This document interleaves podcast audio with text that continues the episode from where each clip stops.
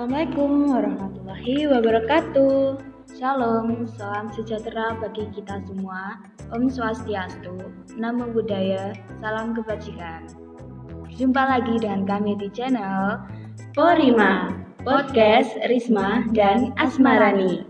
Kami sebagai audiopreneur dari Prodi Pendidikan Guru Sekolah Dasar, Fakultas Keguruan dan Ilmu Pendidikan, Universitas Islam Balitar, kampus terbaik di Blitar Raya.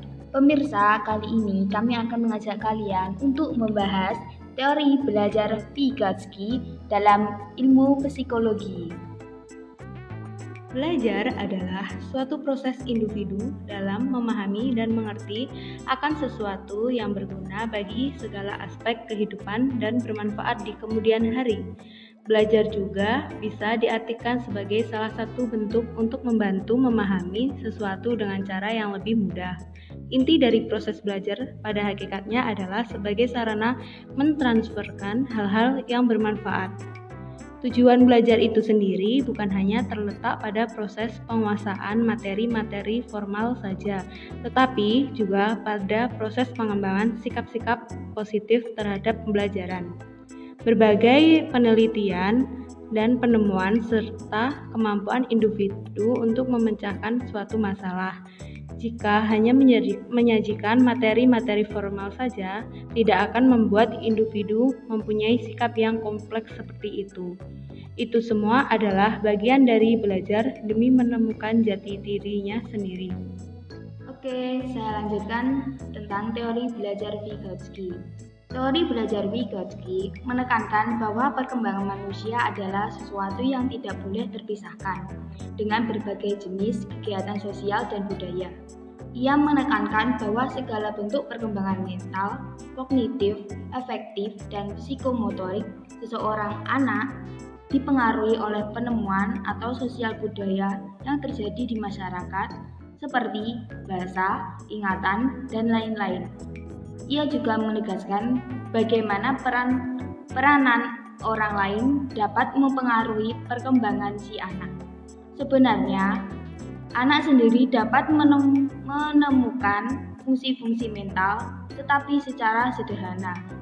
Fungsi-fungsi mental yang lebih tinggi ini atau disebut sebagai alat kebudayaan disebar disebarkan secara turun-temurun dari orang dewasa kepada anak-anak. Walaupun kecerdasan emosional, emosional dalam psikologi tiap anak berbeda. Tapi, pengalaman pembelajaran bersama orang lain dapat membentuk gambaran batin tentang kebudayaannya. Secara singkat, Vygotsky membedakan menjadi aktual develop, development di mana seorang anak dapat melakukan sesuatu tanpa bantuan orang lain dan potensi development di mana seorang anak menemukan sesuatu dengan bantuan atau petunjuk dari orang lain. Teori perkembangan kognitif Vygotsky Menurut Vygotsky, pengetahuan dan perkembangan kognitif setara dengan teori skiogenesis, yaitu rasa kesadaran sosial adalah yang utama dan rasa individualnya bersifat derivatif atau turunan. Ini berarti bahwa pengembangan kognitif individu dihasilkan dari sumber-sumber sosial di lingkungan luar dirinya. Namun, bukan berarti seseorang tersebut adalah pilih pihak yang pasif pada perkembangan kognitifnya, tetapi ia juga dituntut berperan aktif dalam mengembangkan pengetahuannya sendiri. Maksud maksudnya adalah perkembangan kognitif bukan hanya ditentukan berdasarkan individu yang aktif tetapi juga lingkungan sosial yang aktif pula.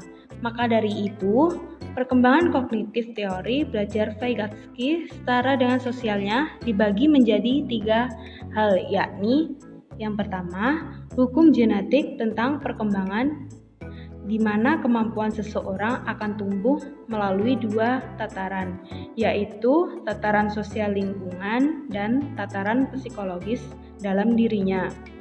Yang kedua, zona perkembangan proksimal.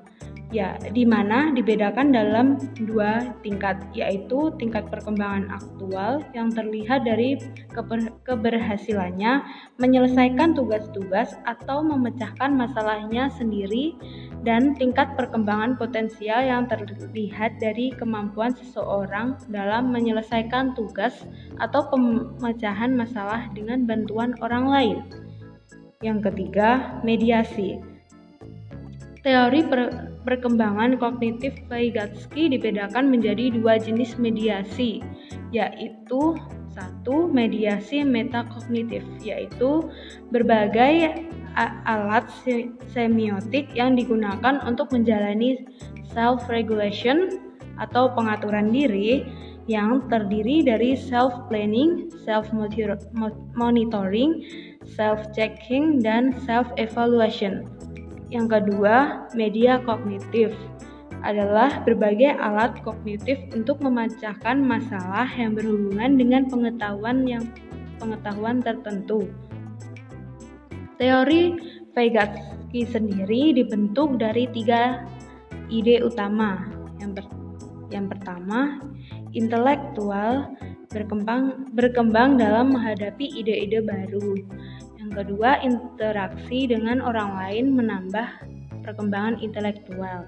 Guru adalah mediator dalam pembelajaran siswa. Setelah kita mengetahui, mengetahui teori-teori belajar Vygotsky, terdapat keuntungan. Keuntungan pertama, anak diberikan kesempatan yang besar untuk meningkatkan zona perkembangan proksimalnya melalui belajar dan berkembang. Kedua, mengaitkan pembelajaran dengan tingkat perkembangan potensial daripada tingkat perkembangan aktual. Ketiga, perlunya strategi dalam pengembangan kemampuan intermentalnya daripada intramentalnya.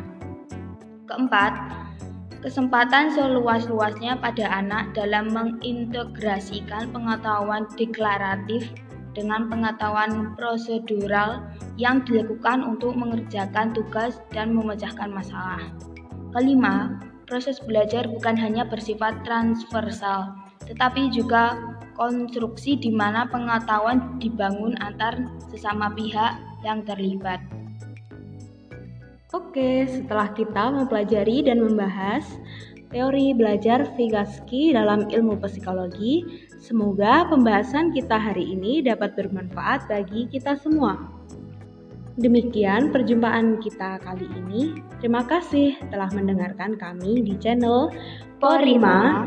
Salam sehat dan berbahagia. Salam entrepreneur, Unisba Blitar. Kreatif, integratif, inovatif, dan energik. Saya Risma Anggreni dan saya Asmarani Anantasari. Wassalamualaikum warahmatullahi wabarakatuh.